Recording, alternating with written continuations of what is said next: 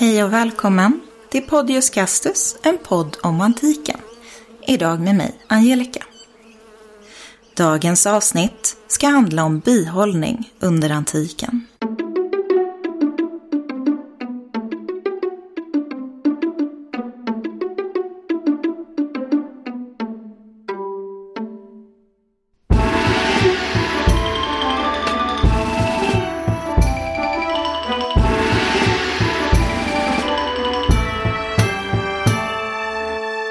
Interaktionen mellan människa och bi har i Medelhavsområdet pågått i tusentals år.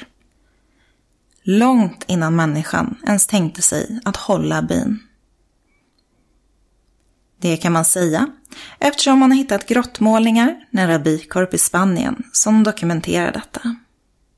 Grottmålningarna är mesolitiska och har daterats till cirka 8000 före vår tideräkning.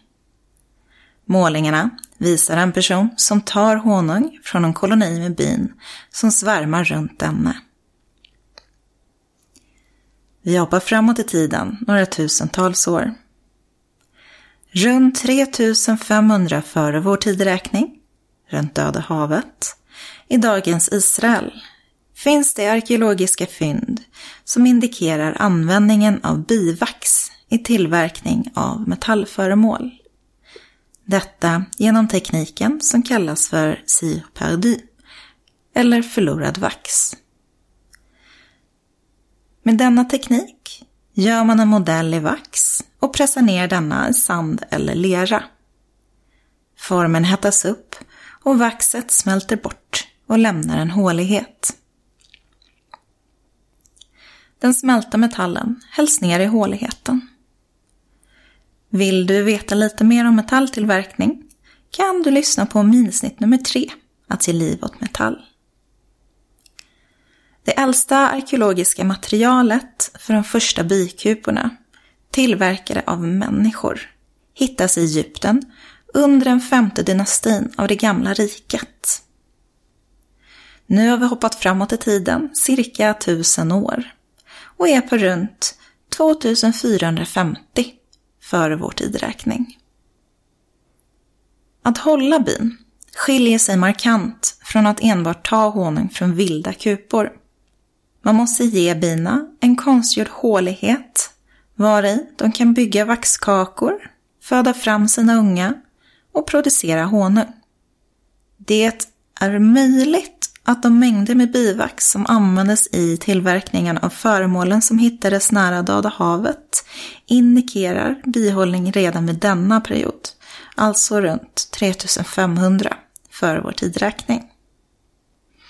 De bevis som har hittats som indikerar bihållning från runt 2450 före vår tidräkning i Egypten är reliefer som visar på att bihållning redan vid denna tid var en komplicerad process.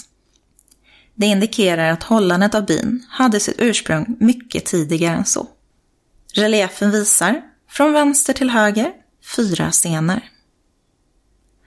En bihållare som jobbar med kuporna. Tre män som häller honung i kärl.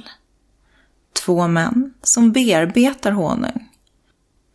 Och en bihållare som försluter honung i förvaringskärl. Det finns bevarade inskriptioner och andra bevis från ett mellersta och nya riket som indikerar att under denna tid så var bihållning ett yrke som kontrollerades av staten. Det finns bland annat många olika titlar för bihållning. Bihållare, huvudsaklig bihållare, tillsynsman över bihållare, tillsynsman över alla bihållare, tillslutare av honung, insamlare av honung. Och bihållare vid tempel.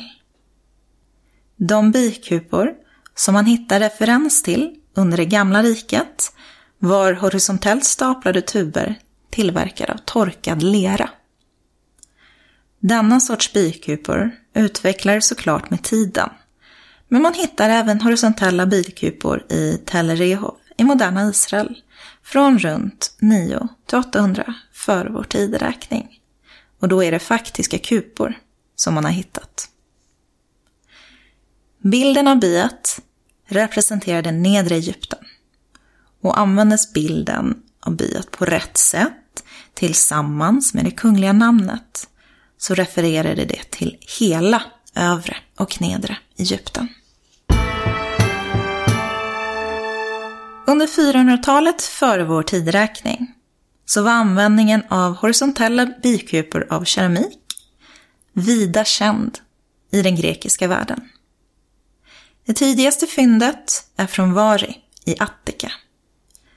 Dessa bikupor hade internt ett mönster av räfflor för att underlätta att honungskakan skulle fästa lättare. På locket fanns en liten öppning för att bina skulle kunna ta sig in och ut.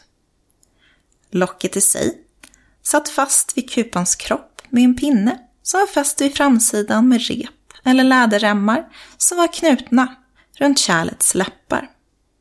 Kärlen kunde vidgas vid behov genom att ringar av keramik placerades mellan kupan och locket. Och förmodligen så sammanfogades dessa med vax. Det är mycket troligt att bihållning i Grekland var äldre än så. Man har hittat ett litet keramikkärl för att röka ut bin i Sesklo. Och Sesklo är en neolitisk by i Grekland. Kärlet daterar till runt 3300 före vår tideräkning. Det måste dock sägas att det är mycket möjligt att den var till för att få tag i honung från vilda bin och inte bin som hållits av Sesklos invånare. Bin är evigt närvarande i det vardagliga grekiska livet, i religionen, ekonomin, mat, musik och även i astronomi. Bin har tillbetts sedan Minoes tid som en symbol för evighet, visdom och förkroppsligandet av vördnad. Och bin var kända för sin profetiska förmågan och de symboliserade själen av den döde som lämnade kroppen vid sista andetaget. Inom många delar av den mytologiska världen spelade biet en viktig roll. Den första bihållaren var Aristeius, son till Apollon och Kyrene. Och vill du veta lite mer om Kyrene kan du lyssna på minisnitt nummer 30, Kyrene och Kyrene, en drottning och hennes stad. Aristeius uppfostrades av horajerna på nektar och ambrosia och lärde sig av Brisainymferna att ta honung från honungskakan. Från ön Keos spred han hemligheten med bihållning till människorna. Och öns mynt har således ett bi som symbol. En annan mytologisk person, eller snarare en gud, som har koppling till bin, är Zeus. Han uppfostrades av nymfer som kallades Melisai, alternativt av Melissa, dotter till kung Melissos. Titeln Zeus Melissaios var förmodligen därför vanlig på Kreta.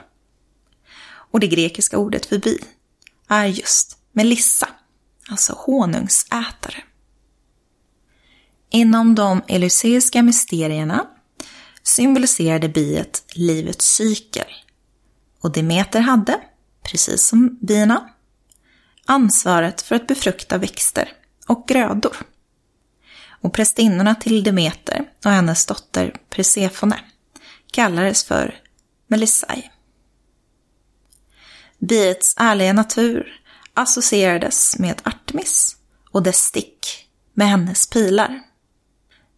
Biet var symbolen för Artemis i Efesos och hennes prästinnor kallades också för Melisai Alternativ för Melisonomos, alltså bihållare.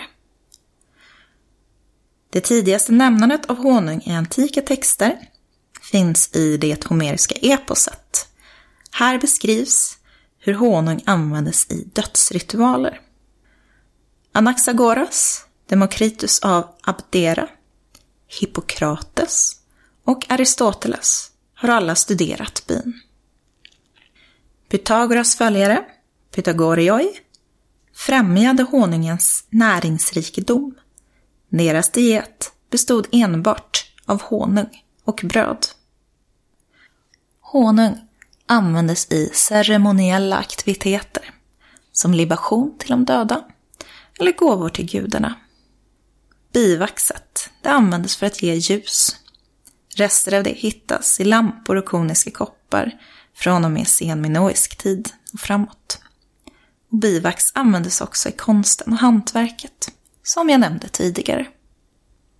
Just den attiska honungen var den mest kända.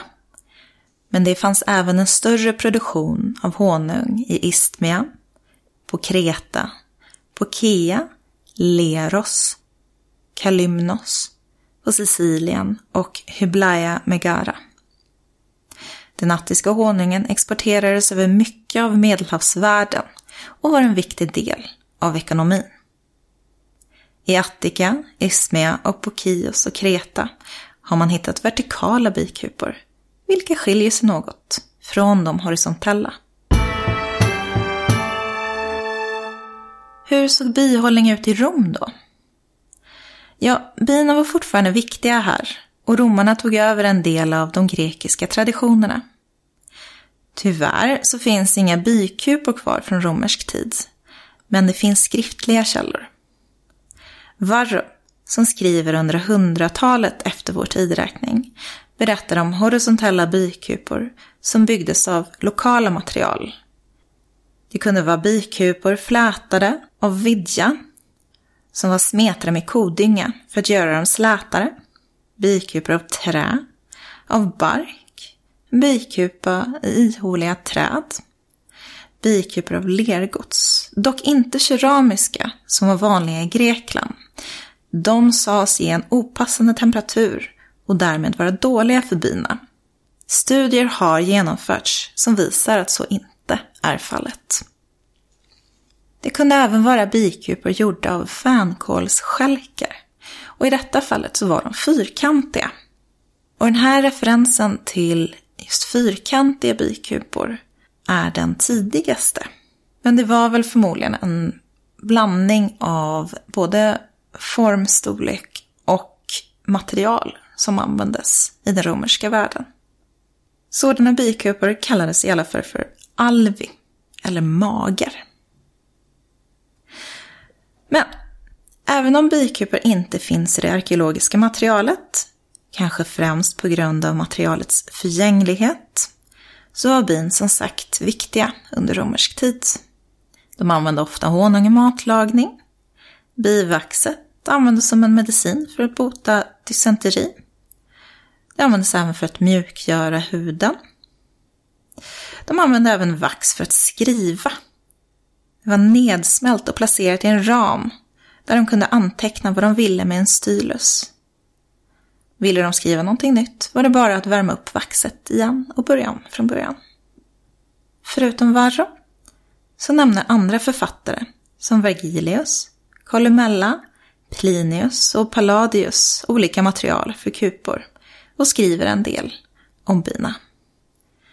Vergilius levde 70 till 19 för vår tideräkning och var samtida med Julius Caesar och Roms första kejsare, Augustus. I Vergilius texter, Bukolika och Aeneiden hittar man ett dussintal referenser till bin. Men än mer i texten Georgica, som var vida spridd under romersk tid. Det är en hyllning till de italiska bönderna och hela fjärde delen är tillägnad just bina. Hans kunskap om vin är genomgående och praktisk och han presenterar information som han fått både från vetenskap och från folklor. Han beskriver bina som varelser som har sin grund i en naturlig ordning och i välstånd. Och det här får de på grund av sin moral, sitt hårda arbete och sin dygdiga konung. Skriften är uppdelad i fyra delar med en tillbakagång till ordning i den fjärde och speglar de inbördeskrig som Rom precis har uthärdat. Vergilius bin är de som bär den nya romerska världen på sina ryggar. Det var dagens minisnitt med mig, Angelica. Har du frågor eller kommentarer, vill önska ett ämne eller kanske bara vill säga hej så når du oss på podiuskastus.gmail.com på Instagram och på Facebook. Tack för idag och på återhörande.